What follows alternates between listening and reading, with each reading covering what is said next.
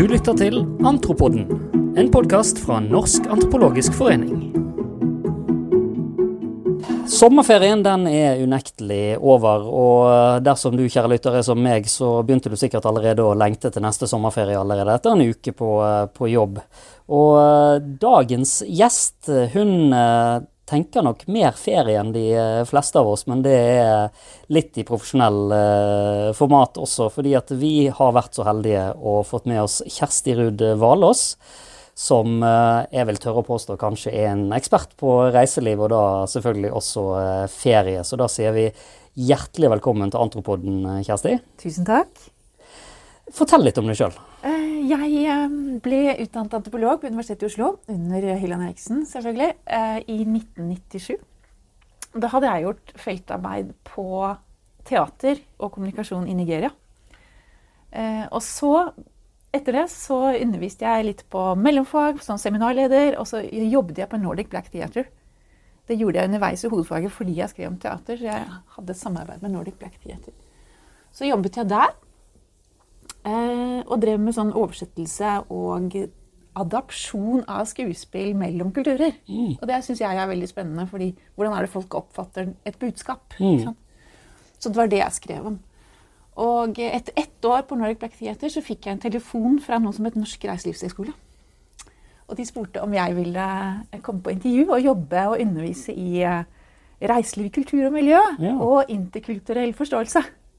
Og det ville jeg jo gjerne. ikke? Ja. Så da var jeg på intervju, og så fikk jeg den jobben sammen med en annen antropolog eh, som het Kjartan Eide, som hadde skrevet om turisme på, i Malaysia. Så vi begynte der, og var sånn, der var det mest business og markedsførere og økonomer osv. Men de ville ha antropologer inn i dette studiet. Ja. Så det, der har egentlig jeg vært siden. Da var vi kanskje fem faglige og 200 studenter, og nå er vi 450 faglige og har 10 000 studenter. Ja. Så det har vært en enorm vekst å reise i denne jobben min. da. Ja, for eh, Norsk reiselivsskole har jo eh, etter hvert gått inn i eh, det som er, som du sier, blitt en veldig veldig stor høyskole, Høgskolen Kristiania, ja. som er jo kanskje en av de største private høyskolene i, i, Norge. Og er vel i ferd med å prøve å bli det første private universitetet i, i Norge. Nettopp. Uh, og det du jo gjør, er at du er studieprogramleder for bachelor i reiselivsledelse og uh, opplevelsesutvikling. Stemmer. Og, og, da er jo det helt naturlig å spørre Kjersti, hvor var du på ferie i år? I år så har jeg vært mest i Risør. Og det er kanskje litt i tiden. ikke sant? Man reiser ikke så mye lenger. Men før det så var jeg altså i Sylt, det er en øy utenfor Tyskland. Da kjørte vi bil. Eh, der har jeg vært flere ganger. Og så har jeg vært i Italia en uke. Eh, det elsker jeg. Så det, jeg har reist litt, men jeg har vært stort sett i Norge. Ja. Så det er nok litt sånn symptomatisk for tiden, fordi jeg har også fått litt sånn som du, det du kaller kognitiv dissonans, eller dårlig samvittighet for flyreiser. Ja. Så jeg er litt sånn handlingslamma for tiden i forhold til For jeg er veldig glad i å reise. Ja. Eh, og det er vel alle andre biologer, og det tror jeg alle reiselivsstudenter er. Alle mm. som jobber med reiseliv, er veldig glad i å reise. Så, så, dette er vanskelig for oss. Mm. Men uh, man blir litt handlingslamma. Mm. Fordi man vil jo på en måte oppleve andre kulturer og oppleve nye ting. Og det er bra å bruke penga sine der hvor folk kanskje er fattigere enn deg. Mm. Um, samtidig så føler du at du skader samfunnet ved å fly. Mm. Sånn at det er en litt sånn vanskelig situasjon å være i. Ja, for det er, jo, det er jo, nettopp den eh, kognitive dissonansen. At, at, vi, altså Flyskam var det jo snakk om uh, for noen år siden. Og så er det jo også det der å komme ned på, eh, på, et feriested og på en måte her eh, her på en måte jobber de for oss. altså Vi skal ikke dra noen lengre paralleller enn det. altså Sikkert noen som kunne gjort det også. Men, eh, men det, er jo, det er jo en sånn at de, mange, mange, samfunn er jo helt avhengige av turismen. altså ja. det, er jo, det, er jo, land der nesten hele bruttonasjonalprodukt er avhengig av turisme. Ja. og, og og, de vil jo hvis uh, fordi, fordi, at det er, jo, det er jo sånn at um, Altså, flyreiser skader jo klimaet, det vet vi. Ja. Uh, men hvis vi lar være å på en måte reise på ferie til andre steder enn vårt eget hjemland, så skaper vi jo en kanskje enda større økonomisk ubalanse. Vi gjør det. Vi gjør det, og vi hører jo stort sett om klima, og at på en måte det er det som er den store saken. Men det er dette med sosial og økonomisk bærekraft også. Det vil si at Når vi bruker pengene våre lokalt i andre økonomier, så kommer det dem til gode, og de får arbeidsplasser og inntekter. Og den er ganske viktig. Karibien, hele Karibien og, og øyene der um, lever jo av turismen. Det er omtrent 90% av bruttonasjonalprodukt i Karibien. Karibiske øyer kommer fra turismen. Mm. Eh, Thailand er det 25 Mm. I Mauritius er det mm, over halvparten. ikke sant? Og sånne øystater spesielt, da, som er helt avhengig av det. Mm. Og det er mange flere land. Hellas er veldig avhengig av turismen. Det er sånn 20 av BNP. Ja. Og Hellas vet vi jo blir veldig sterkt ramma når turistene blir borte, sånn Mm. som nå med disse brannene. Så den sosiale og økonomiske dimensjonen er eh, uhyre viktig. Og jeg er litt opptatt av å snakke mer om den, så den også får plass ved siden av eh, økologisk perspektiv. Mm, mm. For er det, en, er det en bekymring nå eh, når Altså, du, du snakker om at du hadde vært i Risør og i Norge, og det, det ble jo en, en, en større og større trend nå i år. Og det har jo litt sammenheng også med den økonomiske situasjonen. At Ja. eh, færre reiste. eh, Er det, er det en form for bekymring for uh, hva fremtiden kan bringe med seg uh, hvis flere og flere velger å bli hjemme i ferien? Ja, i forhold til, til økonomien i u-land, tenker du på? Ja, det er, det er veldig stor bekymring lokalt, f.eks. i Thailand. Det er dokumentarer som lages nå etter pandemien, om hvordan pandemien har virket på disse kulturene. Og alle de arbeids, altså alle arbeidsplassene som ble borte under pandemien. Og de er sånn avhengig av å få det opp igjen. Mm. Og det samme gjelder jo på Bali, en øy som veldig mange av oss elsker å reise til. Sånn at der er det eh, vanskelig, og det har vi kanskje ikke hørt nok om, akkurat den dimensjonen. At hva skal de da gjøre når ikke turismen er der? Sant? For turisme er en veldig lett næring å gripe til for fattige land. Det skal så lite til å etablere turisme. Sånn at det er noe av det letteste industrien du kan drive da, for å gi folk arbeidsplasser, fordi det er en veldig arbeidsintensiv næring. Så det er liksom ikke bare å begynne å bygge en skofabrikk på samme sted. Det, er, eh, det er noe vi må, må tenke igjennom. Mm, mm. Og, um, men ser vi, noen, ser vi noen sånne forskyvninger eller endringer i eh, For det var jo på, på 90-tallet, da på en måte det Sovjetunionen falt, eh, så, så begynte jo russerne å, å reise mye mer. og eh, altså Kina er jo i ferd med å bli en større økonomisk stormakt. vi Sannsynligvis er flere kinesere som, som reiser. Så ser vi på en måte at dette flytter seg som om vi slutter, så er det andre grupper som tar over. Det har et godt poeng. Det er et veldig godt poeng. Fordi at selv om da denne samvittigheten kommer inn i Europa, og også eh, dyrere å reise, og vi kanskje reiser mindre, så vil kineserne De er i en annen fase, og de har nå akkurat blitt åpnet opp. Det er lov for kinesere å reise til Skandinavia igjen. Så de kommer til å komme tilbake hit. Og kanskje ikke den samme, den samme holdningen til de har reisen som vi har. Sånn, fordi de er sultne på å komme ut, og det er jo til Europa folk flest vil. Frankrike og Paris er den mest besøkte destinasjonen i hele verden. Så alle vil dit. Og også drypper det ganske mye på Norge. Så, og, og russerne begynte å reise veldig mye. Kineserne begynte å reise veldig mye. Inderne har begynt å reise veldig mye, og de kommer til oss. Ja. Så, så mønsteret er helt klart i ferd med å endre seg. Ja. For det, det har jo vært snakka om eh, i media altså pga. Uh, klimaene. Altså du nevnte du hadde vært i Italia en sommer. og Der var jo det nesten ulevelig. Vi så at Akropolis eh, i Hellas ble stengt. Og, og i Spania var det jo opp mot 40 grader i visse deler av landet. Uh, og da begynte det jo bl.a. å snakke om at Arendal kunne bli på en måte det nye store reisemålet. Nå har jo de nettopp lagt tilbake bak seg Arendalsuka, men at nærmest det kan bli Norges store flott. For det er jo, det er en vakker by, uh, uten tvil. Men kommer, kommer, vi til å se mer turisme til, til Norge nå? Det så vi jo i, i år også. Selvfølgelig litt pga. det økonomiske, altså at kronen var så svak, så nå var det veldig behagelig å reise til Norge. Ja. Norge har, uh, har hatt rekordturisme i år. Ikke sant? Så folk, utlendinger kommer til Norge. Nordmenn reiser mye i Norge. Og fordi vi har denne klimaendringen, og fordi Middelhavet blir så varmt, så kommer vi til å oppleve mye flere turister i Norge og i Norden. Sant? Østersjøområdet, Norge, strendene våre, sørlandsbyene våre. Jeg har vært i Risør i sikkert sju uker i sommer.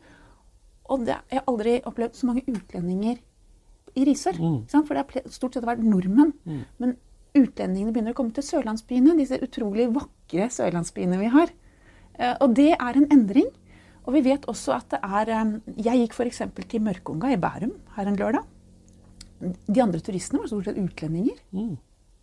Sånn at det er liksom en endring i besøks til våre naturattraksjoner. Jeg leste akkurat om eh, gårsdagen på Preikestolen. fullstendig tjokka fullt, og de fleste var fra utlandet. Ja. Sånn? Sånn at vi kommer til å bli veldig populære. Vi regnes som trygge, sikre, naturvennlige. eh, ikke for mye folk. Mm. Eh, som et veldig sånn vakkert land som er trygt å reise til, og nå billigere enn det har vært. Ja. Ikke sant? Sånn at vi, Alt ligger til rette for at vi kommer til å motta flere turister. Og det jeg er litt opptatt av da, er at vi må passe på så ikke vi blir tatt på senga av dette her. For vi er ikke så til ettertrakt for mange turister. Nei, for du tenker jo ikke på altså det, det, er jo, det er jo et uttrykk som heter 'Norge ditt nærmeste ferieland', Mm. men da tenker man jo på en måte interne turister. Og, og, og det er det der å tilpasse seg eh, Og som du sier, altså eh, For hva er det turistene vil ha når de kommer hit? Turistene vil ha spektakulære naturopplevelser. ikke sant? Eh, og det har vi masse av. Det har vi gratis. De ligger der ute. De får se fjordene, og de får se fjellene, og de får se midnattssolen. Det er, det er gratis å oppleve midnattssolen. Men poenget er at vi gjør jo business ut av det å frakte folk og fortelle historier om midnattssolen. Og skape overnattingsplasser og gi dem god mat som passer til. Det er det som er reiselivsnæringa. ikke sant? Vi gjør det rundt disse her, egentlig gratisattraksjonene. Men, ehm, men de vil oppleve f.eks. nå, det som har endret seg nå, er at i tillegg til natur, så vil de oppleve eh, kulde. De vil, ha, de vil kjøle seg ned, de vil Ja. komme og oppleve dårlig vær. Ja. De vil reise til Bergen og ha regn, Ja. for de syns det er fint. Og- det er det nye som er knyttet til klimaendringene. I tillegg så har jo liksom Oslo blitt en fantastisk attraktiv by. Så nå kommer de også til Norge for å oppleve kultur. Ja. Fordi vi har brukt så mye vanvittig mye penger på å gjøre Oslo mye finere enn det det har vært. Og det betaler seg. Sant? Det kommer masse folk til Oslo nesten hele året nå. Så ja, Norge har endret seg. Besøket til oss har endret seg. altså Bevisstheten om hva Norge er, har endret seg. Mm. Og så er det jo denne der eh, jakten på det autentiske. Den Yes. autentiske opplevelsen. Eh, altså, det er jo Altså, vi antropologer er jo eh, Det er jo det vi gjør. Altså, vi jakter jo på en måte den autentiske opplevelsen, og, og kommer nok, vil jeg tippe, kanskje litt tettere enn turistene. fordi at får turistene egentlig den sånn helt autentiske? Altså, la oss si du reiser til Bali. Altså, du, du får vel ikke ja, det, det er vel en slags uh, utvanna versjon du Ja, det er sikkert det. Det kommer an på deg sjøl og hva du vil. Liksom, hva er autentisitet? Det snakker vi masse om i reiselivssammenheng. Og jeg vil si at jeg føler meg jo nesten aldri bedre enn hvis jeg sykler rundt på rismarkene på Bali. Liksom. Det er min greie. Men jeg tror det, hvor autentisk du opplever det du reiser til, det har med eh, egentlig hva du betaler. Ikke sant? For Hvis du betaler for et veldig godt opplevelsesprodukt, hvor det er få mennesker som får veldig fine matopplevelser og guidede turer innover der hvor det ikke er andre turister, så får du en ganske fantastisk, autentisk opplevelse. Og, Liksom bare det å være på Senja og oppleve midnattssolen og fiske makrell og bo i en, i en, i en rorbu som kanskje ikke er gammel, men som ser gammel ut. Noen syns det er autentisk. Ikke sant? Og når du ikke er vant til nærhet til natur, som alle asiatene som ikke er vant til nærhet til natur, så er dette overveldende flott. Så vi må huske på, det er, antropologer, er det antropologer skal, vi skal se det fra de andres synspunkt. Og hvis vi setter oss inn i øynene da, til en fra Korea, så er dette her overveldende fantastisk. ja, for tar vi, tar vi på en måte vårt eget land litt for gitt? Altså de, Ja, eh, den naturen klart. vi eh, Altså, jeg, jeg kjørte over eh, fjellet i sommer. Og kjørte en litt annen rute. Og man blir jo slått av egentlig hvor flott det er her i Norge. Det er fantastisk. Det, det er jo Altså og vi har jo vært i Nord-Norge og seilt på, på havet der, og det er jo, det er jo virkelig altså vi, vi, vi er jo en perle Vi av er en perle. Og det, hvis, vi, hvis vi forholder oss til turisme, så ser vi det. Hvor fantastisk vi er, da. Mm. Fordi at eh, det er denne voldsomme naturen vi har. Eh, og vi tar nok den for gitt. Men det er også det at det er så nærhet til naturen, og det at vi er så, det er så mye av den. Og ikke sant, Jeg har bodd i Singapore, og, og i Singapore så hadde man, man var ganske fremmedgjort for naturen. Barna var på en måte litt sånn, de lærte seg ikke helt å bevege seg, for de fikk liksom ikke utfolde seg fritt i naturen. For i Singapore så er det jo nesten ikke naturlig natur. ikke sant? Det er, det er skapt natur i parker og sånne ting. Så når de får bevege seg rundt på den litt sånn ville måten som de opplever oss, ikke sant?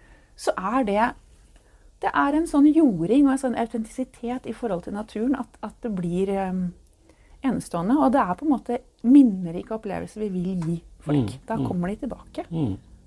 Og, og de tradisjonelle reisemålene for nordmenn uh, har jo vært altså Syden. Dette mytiske landet Syden uh, som vi alle har Det begynte vel på 60-70-tallet. Ja.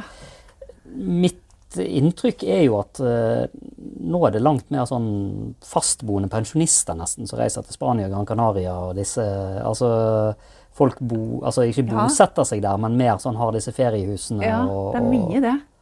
Eh, Men, men vi trodde jo en stund at Syden skulle utdateres. ikke sant? At folk ikke ville dra på den type turisme lenger. Men det skjedde jo ikke. Mm. Syden er faktisk, altså Syden, er, hvis vi tenker på Middelhavsområdet og Kanariene, er fortsatt en veldig stor del av nordmenns og, og skandinavers reisemål. Mm. Og, men poenget er at Syden har forandra seg. Mm. På Kanariene så har de fått én, to, tre, fire, femstjerners destinasjoner eller resorter. Så du kan liksom velge om du vil være på noe veldig flott noe hvor det ikke er så mange andre turister. Mm. Du må bare betale deg på en måte til det du vil ha. Ikke sant? Mm. Sånn at Syden har bestått. Og så kan du si at Syden også er Thailand. Mm. For det er alle steder hvor det er sol og varme. Ja. Eh, men nå reiser vi jo mindre på de lange turene. Mm. Pandemien har gjort at vi har liksom Thai Airways har lagt ned direkteruta si. Norse har nå kommet med en direkterute og kaller med billige priser. Mm. Men vi reiser mindre til de lange destinasjonene. Og et eller annet har skjedd i forhold til folks samvittighet, som du tok Ja. opp um, til å begynne med. Så, så ja, det er um, Syden er et sted hvor nordmenn alltid kommer til å reise til, tror Ja. jeg. Og det gjelder også de unge. Mm. De unge elsker å ta en uke i Syden. Ja. Fortsatt. Jeg skal, skal sies at jeg var eh, 14 dager selv i Syden, eh, og alle vi som har barn i skolealder, eh, og får få oppleve en barnefri ferie, det oh, ja. Da tror jeg vi bare lå på stranden, Ja, eh, og så og kan du si si er Syden kan være i greske øyer. Ja, ikke sant? Og eh, det kan være Kanariøyene. De har to veldig forskjellige typer Mm. destinasjoner. Mm. Men Mallorca, som er liksom Syden per definisjon, Ja. de, har, de driver og, og utvikler seg til å bli en litt sånn kvalitetsdestinasjon som skal være dyr, og hvor ikke alle kan komme lenger. Mm. Så de endrer fullstendig fordi de har fått for, fått for mange turister. Ja. Ja, og, og, og litt tilbake til pandemien, da, som, som vi snakket om. Altså, man skulle jo tro at det var en form for utfartstrang eh, etter at eh, måte verden ble åpna opp igjen. da.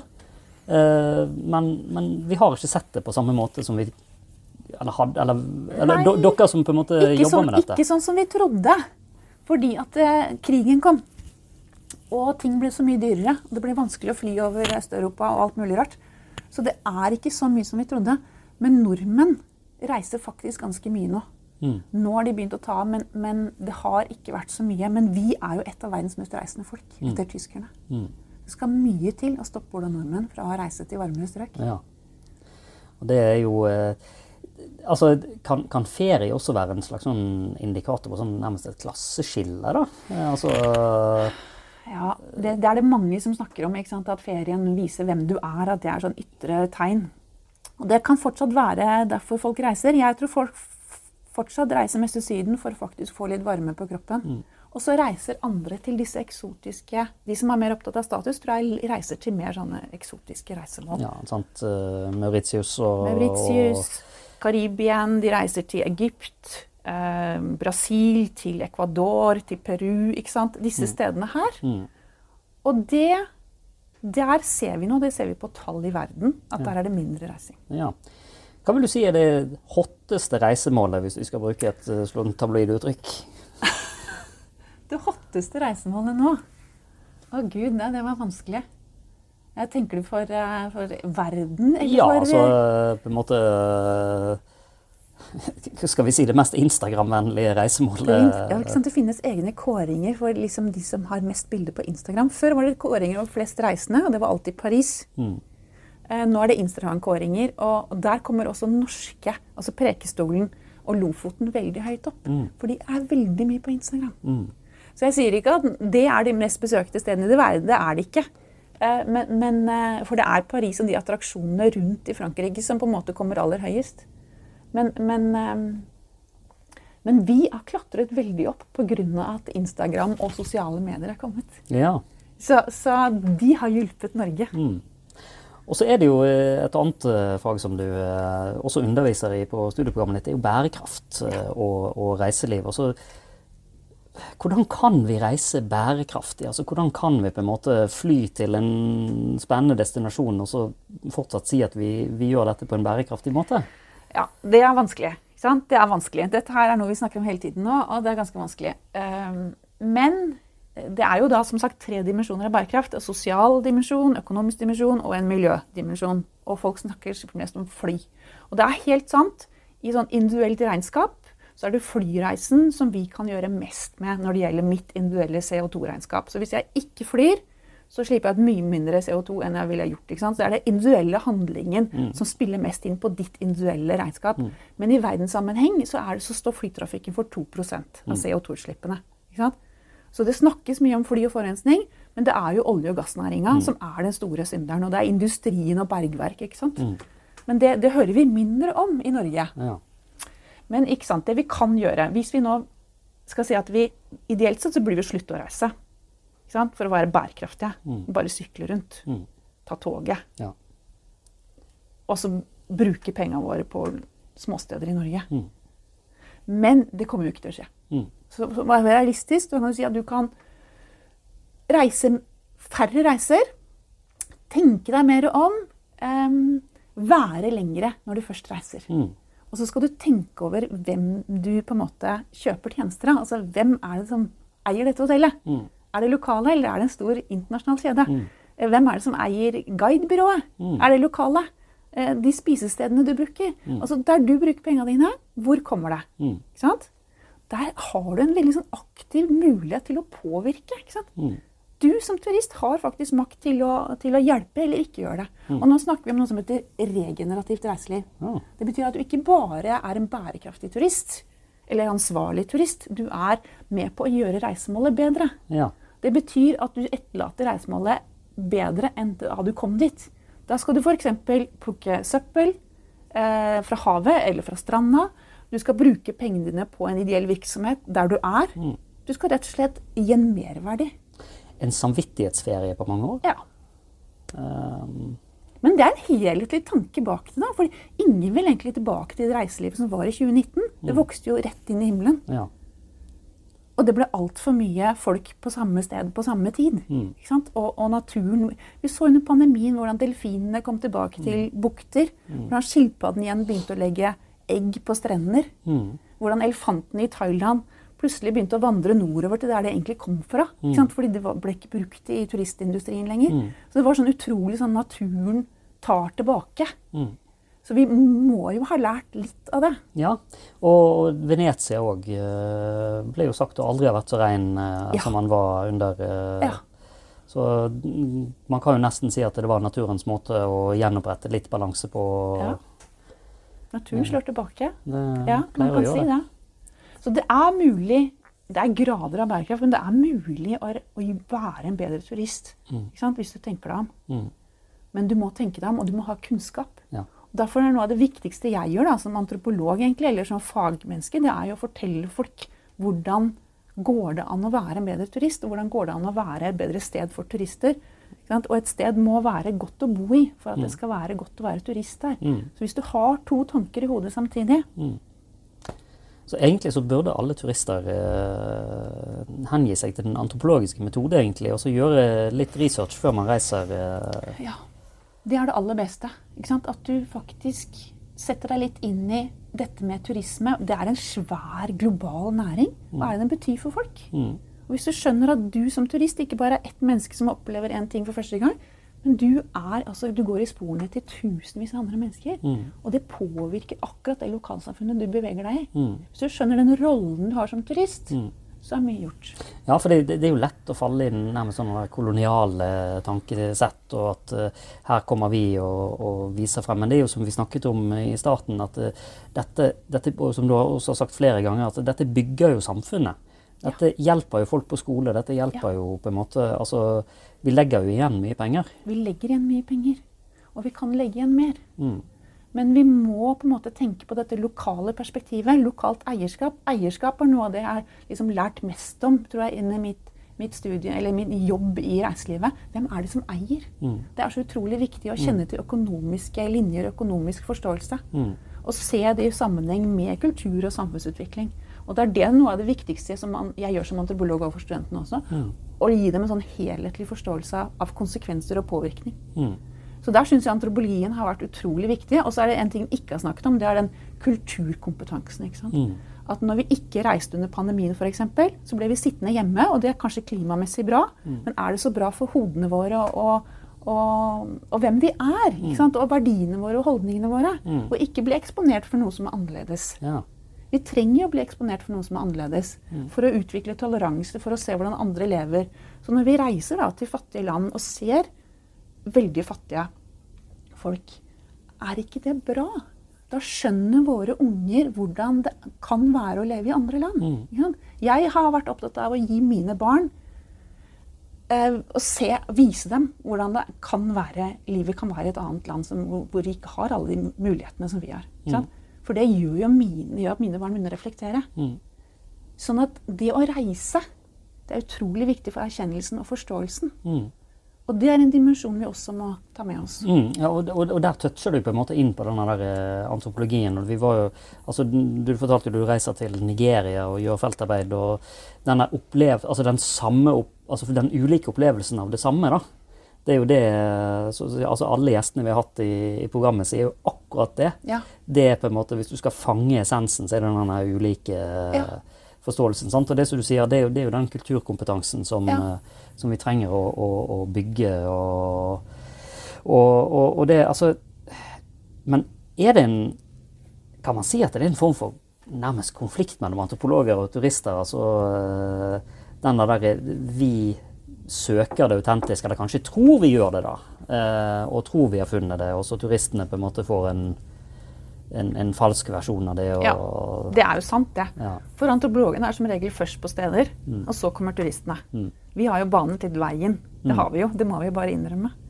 Eh, og så kommer turistene og tror de får autentiske opplevelser. Og det har også jeg vært med på, men vi får jo ikke det. Mm. Ikke sant? Det er tilrettelagt. Mm. Så autentisitet er et, et vanskelig ord, men, og da har man egentlig i turismesammenheng og antropologsammenheng skrevet ganske mye om det her. Altså man tenkte tenkt at autentisitet er subjektivt. Hvis du føler at du opplever noe ekte, ok, da er det autentisk. Det er ikke noe objektivt ved autentisitet. Hvordan skal du klare å måle det? ikke sant? Mm. Så, så når vi søker det autentiske, eh, så, så er det helt avhengig av hvem du er, for, for om du opplever det når du ser pyramiden i Egypt, eller går på Machu Picchu, eller er i regnskogen i Amazonas. ikke sant? Eh, For noe tilrettelegging er det jo hele tiden. Noen har tatt deg med ut dit. Noen har laget et overnattingssted. Mm. Noen har gjort at den landsbyen tar imot turister. Mm. McCannell, en antropolog og, eller sosiolog og turismeteoretiker, sier at det er seks stadier av autentisitet Ja. i turismen. Så det er en hel forelesning. Altså Vi som har, vi som har jobba i, eh, i Stillehavet, vi, eh, vi kjenner jo til bl.a. First Contact-turismen med sånne spennende australiere som eh, drar ut for å møte en stamme for første gang på Papua Ny-Guinea, bl.a. i høylandene. Og så kommer de, og så har de plastarmbånd, og, og det er helt åpenbart på en måte falskt. Men, men så kan man jo si det at er det så ille så lenge turisten får en opplevelse av at dette er autentisk, og de andre, altså lokalbefolkningen, tjener på dette, da? Eh, nei, er det så ille? Kjartan Eide skrev en oppgave om akkurat det her. Sånn turister langs elva opp Borneo i Malaysia, og de trodde de skulle oppleve noe autentisk. Så fikk de se at dette langhuset på Borneo hadde vinduer, glassvinduer. Tyske turister. Eh, og de hadde eh, Ja, de hadde, det var vel kanskje Og de, husene deres sto ikke på påler, men på mur. Fordi de hadde jo fått penger ikke sant, via turismen til å forbedre ting. Og, og det syns de lokale er kjempebra. Mm. Til og med eh, bølgeblikk på takene istedenfor strå. De liker det bedre. Mm. Men turistene ble skuffet. Ja. Det var ikke autentisk nok. Nei. Og da er jo dette her veldig motsetningsfylt. Fordi at lokalbefolkningen vil jo gjerne moderniseres. Det var iallfall det de sa til Kjartan Eide da han forsket på disse tingene. Mm. Um, mens turistene ville ha det autentiske, dvs. Si, sånn som det var en gang i tiden. Så autentisitet er jo ikke altså Hvis man ser på det som noe som har frosset i tid, så er det vanskelig å finne det Mm. lenger i det Ja. hele tatt. Ja. Og vi vil jo ikke at noe skal fr fr fryses i tid. Vi vil jo at folk skal få gode liv. Mm. Så vi, da vi var eh, unge på 80- og 90-tallet, vi kunne jo risikere å komme til helt uoppdagede steder. Det er ikke mulig lenger. Nei. Ungdommen i dag de vet nesten alt om verden fordi de har det via skjermen. ikke sant? Mm. Så de har ikke den muligheten eller, eller kanskje motivasjonen eller trangen engang. fordi at dette her er ikke relevant lenger. Mm. Ja, De kan gå inn på YouTube og se eh, altså, Det, er jo- det fins jo noen steder som er altså Hawaii har jo bl.a. en øy som er avstengt. og Det fins jo steder som er avstengt. og Ja, Vi har jo sånn hørt disse historiene om disse som går i land, og så blir jo de ta, tatt av dage, stort sett. Men dette er, jo, dette er jo på en måte, det er jo ikke et uoppdaga sted. Man kan jo ikke si at det Det er vel bare havet som vi oppdager uh, nå. Og verdensrommet. Ja, ikke minst. Uh, og det var, jo, det var jo snakk om på en måte verdensromsturisme. Ja, det er turisme til verdensrommet i dag. Det er jo det. Det er Ja. jo sendt turister av gårde allerede. Ja, for det var jo han Richard Branner hadde Ja, vel eh, ja. Virgin eh, Riktignok veldig dyrt og veldig få, men, Ja. Men det er starten på noe, da. Ja, ikke sant? Eh, Så om ti år så går neste ferie til Mars. eh, Ja, og så tror jeg du har litt rett i dette med undervannsturisme også. Altså, det, kommer, det er ikke bare under i, i, i, i ved Lindesnes som har undervannsrestaurant. Mm. Det er kommet flere steder i verden. Ja, Så, så ja, vi, vi klarer jo ikke å stoppe den utforskningen. nei. Nå fikk jo ikke undervannsturismen særlig god reklame i sommer, da, eh, med tanke på den ubåten. Som, Nei, Det er sant. så kanskje noen år til før folk eh, Ja. Men, og, det, og, ja, og fremtidens eh, reiseliv. Jeg husker jo det var jo Brasil var jo veldig stort for noen år siden. Der var jo det Man skulle kjøpe eiendom der nede, og jeg har jo eh, foreldre som var skyldige i å gjøre det. Og, og så var jo det snakk om at Gambia og, og deler av Afrika skulle bli på en måte de nye store reisemål. Altså, er Afrika i ferd med å, å komme som et reisemål, eller? Vi trodde det, men, men det har vi ikke tatt av. Eh, Sør-Afrika er en kjent nasjon. Tanzania og Kenya er store turistnasjoner. Men det har ikke spredd seg Nei. mer utover det. Mm. Um, Libya ville jo en stund, men det er ikke lenger. Egypt har hatt en veldig tap av turister. Marokko har litt turisme. Mm. Men det har ikke Tunisia, ja. Men, men det, er, eh, det har vært fordi det er så mye restriksjoner på å være turist i Tunisia, sånn at det har ikke tatt av i popularitet. Mm. Fordi at de vil ikke tillate alt du kan gjøre som turist. Ikke sant? Fordi de har egne verdier og Sånn at Brasil har også Disse økonomiene har ikke gått så bra som vi trodde. Så Brasil har heller ikke tatt av på den måten. Og Brasil har vært Jeg har selv vært i Brasil, og det er ganske sånn Kan være ganske kaotisk. Mm. Men har et utrolig eh, vakkert eh, altså utrolig vakker natur, veldig mye opplevelser de kan by på. Mm. Så kanskje det kommer. Men igjen, Brasil er langt å reise til. Mm. Ja, det er jo um, Det er vel nesten en 24 timers reise, vel, så det hvis man reiser fra Oslo. eh, Ja. ja det, det er iallfall I praksis så blir det iallfall 20 timer å reise dit. Mm, Ja. mm. Så altså, nå sitter jeg og ser på et eh, verdenskart uh, her, og det er jo mange Og så sitter jeg og tenker på uh, min egen svigermor som skal til Mongolia på ferie. Altså, Wow. Jeg er jo kjempemisunnelig uh, på det. og disse stedene og sånne ting. Men hvis du når vi ser på verdenskartet her, hvis du skulle plukke ut en drøm, altså der, der vil jeg dra. Altså, jeg vil til Seychellene. Seychelles. Hvorfor det? Jeg har ikke vært der. Nei. Nei, det er vel litt sånn Jan Eriksen-påvirkning. Altså, han Ja. har snakket mye om Mauritius og Seychellene. Og så har jeg noen kjente fra Seychellene, og det jeg tiltrekkes veldig av, er liksom, ja, det er vakkert der, men det er også veldig mange forskjellige kulturer. Ikke sant? Og det er ikke noen flertalls... Det er ikke noe pluralistisk samfunn. Altså, det er et pluralistisk samfunn. Det er ikke én gruppe som har majoriteten. Det er mange et, ulike etniske grupper som fungerer sammen. Og det syns jeg er spennende. Mm. For de fleste andre samfunn er jo flerkulturelle, men de er majoritetssamfunn. Mm. Så der får man både natur og kultur, tenker Ja. jeg. Og da, hvis vi eh, drar det tilbake til ditt eh, feltarbeid Nigeria som ferieland, altså Afrikas mest folkerike nasjon. Ja, eh, anbefaler ikke Nigeria som Nei. ferieland. Nigeria er ganske eh, vanskelig. ikke sant? Det er eh, vanskelig å reise der, det er vanskelig å være turist der. Mm. Det var vanskelig å være på feltarbeid der. Mhm. Selv om jeg er, veldig glad i Nigeria, så ville jeg ikke reist dit på ferie. Mm. Ikke i dag engang. Eh, jeg kjenner en Ja, jeg vet hvem som altså, Er den nye ambassadøren i Nigeria? Hvordan Så da har jeg på en måte en kanskje litt tryggere inngang enn jeg ville hatt, hvis jeg kan Men, men eh, mine kjente fra Nigeria, da jeg bodde der i 93-94, de er altså dratt fra Nigeria. Ja. Eh, Fordi det er utrygt der, fordi det er vanskelig å oppdra barn der. Mm. Eh, Så jeg håper en gang at Nigeria kan bli et trygt og godt land å reise til. For det er veldig veldig spennende kulturelt sett. Mm.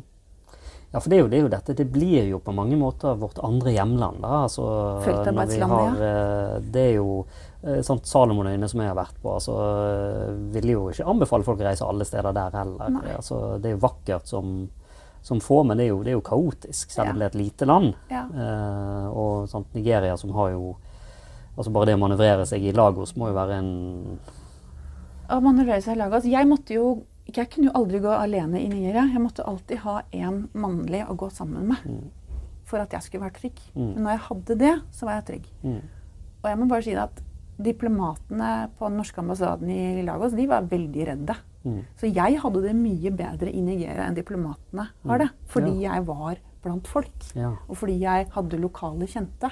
Mm, Så jeg ble veldig glad i Nigeria. Det er veldig mye, eh, det er veldig mye humor der. ja. Veldig mye mm, Jeg har veldig sterke minner. For feltarbeidet er spesielt for oss. Vi drar alene og blir utsetter oss for mye. Og vi er nødt til å knytte oss til folk. Mm, Og vi er unge. mm. Og så har jeg villet ta med barna mine og vise Nigeria, men jeg har ikke fått til det ennå. Og, eh, men det er jo folk som reiser på altså, til de mest utrolige ferier. Altså Nord-Korea som et uh, ferieland. Nå har vel de vært hermetisk stengt uh, ganske lenge, men de har vel så vidt åpna opp nå. Og folk reiser jo på en måte til det ganske utrygge steder. Altså, vet vi hva som driver folk til å gjøre det? Ja, jeg vet om folk som reiser til uh, Pakistan under uroligheter, som reiser til Iran under uroligheter, og, og trigges av det. da. Afghanistan.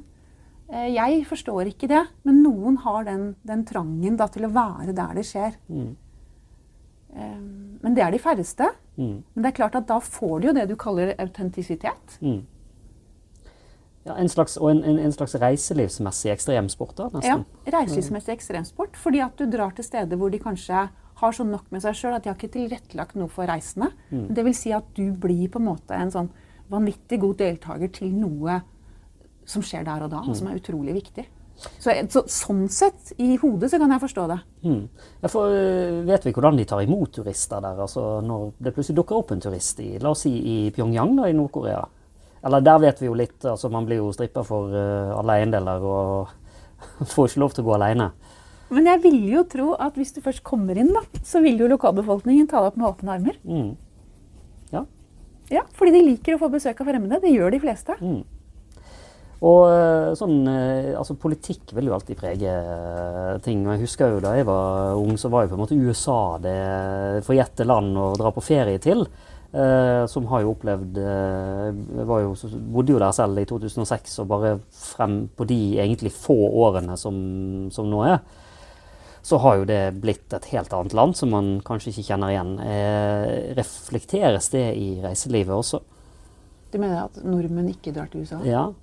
Ja, nordmenn reiser mindre til USA. Mm. Helt klart. Men amerikanere reiser mer til Norge enn før. ja. Det, det har vi sett. Det har vi sett mye av. Og de Mm. er veldig takknemlige turister å ha i Norge. De er veldig begeistret for Norge når de kommer. Mm. Og de er nesten de letteste å ha med å gjøre, de som legger igjen mest penger her også. Men at vi, ja, reiser mindre til USA, det er helt tydelig. Mm. Eh, mange nordmenn forstår jo ikke det som skjer der borte. Mm. Og, og lurer på hvordan det påvirker eh, samfunnet og det å være europeer der. ikke sant? Jeg har ikke vært der siden 2016 selv. Nei, jo, det stemmer ikke. Jeg var der i New York for et par år siden. Og New York er New York. Så mm. Man tenker kanskje på New York som annerledes enn USA. Mm. Så New York reiser vi til, Mm. Uavhengig Ja. av på en måte tilstanden i USA. Det er litt sånn pussig. Mm. Ja, for det er jo den der øst- og vestkysten, på en måte. Altså, det er jo det, det ekte Amerika, da, som de kaller sjøl. Det er jo det er Midtvesten og altså, rustbelte og sånne ting. Men altså, det er jo det der å ta, ta kontroll over narrativet, hva som er ekte og ikke. Ja. Uh, Ja. Og i et så stort land så er det jo nesten umulig å ha en Du kan ikke ha en felles identitet og en felles eh, slags Altså, vi snakker om disse afrikanske statene som er delt opp av koloniherrene, men USA er jo nesten det samme. Ja. Det er jo 50 egentlig separate land. ja, ja, ja. Så, så du har nok rett. Det er California, Florida og eh, New York som er på en måte destinasjonene for nordmenn. Mm, mm. Ja, det er jo litt sant. Det er jo media og film og, Ja. og alt sånn. Ja. Men ikke sant? Det, det andre som har gjort at det har vært mindre reising, er jo fordi flyselskapene under pandemien la ned masse ruter. ja.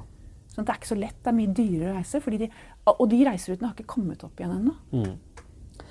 Så flybransjen har jo hatt sånne store senvirkninger av pandemien Mm. som gjør at eh, prisene er så høye som de er nå. Og som gjør at de ser veldig an økonomien i å ta tilbake de rutene. Mm.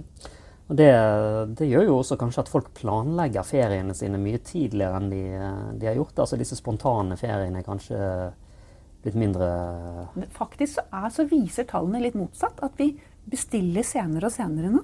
Mm. Vi er nok redde for å, å oppleve, altså ikke få tilbake pengene våre når vi kjøper en, et, en reise. Ikke sant? Sånn som skjedde under pandemien. Mm. Ja. Jeg tror det har satt seg i folket. Ja. Så, så um, faktisk så ser vi at de venter lenger med å bestille reiser. ja. Og det ligner egentlig mer på resten av europeerne, for de er også mye treigere til å bestille enn det nordmenn har vært. Ja. Så eh, alle som eh, planlegger ferie nå eh, til neste år, hva er ekspertens anbefaling? Nei, altså jeg tror, og, jeg, og det er pga. Middelhavet og hva vi ser både varmen og klimaendringer og katastrofer i Middelhavet, så tror jeg flere kommer til å reise i Nord-Europa. Mm. Jeg tror Østersjøen kommer til å bli mer populært. Jeg tror Polen, Latvia, Litauen, Storbritannia altså Kanskje husk at eh, kystturismen i Europa begynte egentlig på, på strendene i, i England. Mm. På sørkysten. Mm. Kanskje det får en renessanse. Ja. Ikke sant? Brighton og disse byene her. Mm. Fordi at der vil det være nå mer behagelig klima. Og også vestkysten av Frankrike. I det hele tatt Østersjøen. Eh, tyske øyer, sånn som jeg har vært på. Helt nydelig. Mm. Sånn at jeg tror Og Skandinavia er liksom på en måte en, en, eh, et sted å bevege seg fremover, da. Ja. Er det da vi skal si eh, god reise eh, til alle sammen? Og så, Det skal vi gjøre. så sier jeg tusen takk for at du var med i Antropoden, Kjersti. Det var Veldig hyggelig å kunne være med. Var utrolig lærerikt og kjempegøy. Så da sier vi god ferie. God ferie.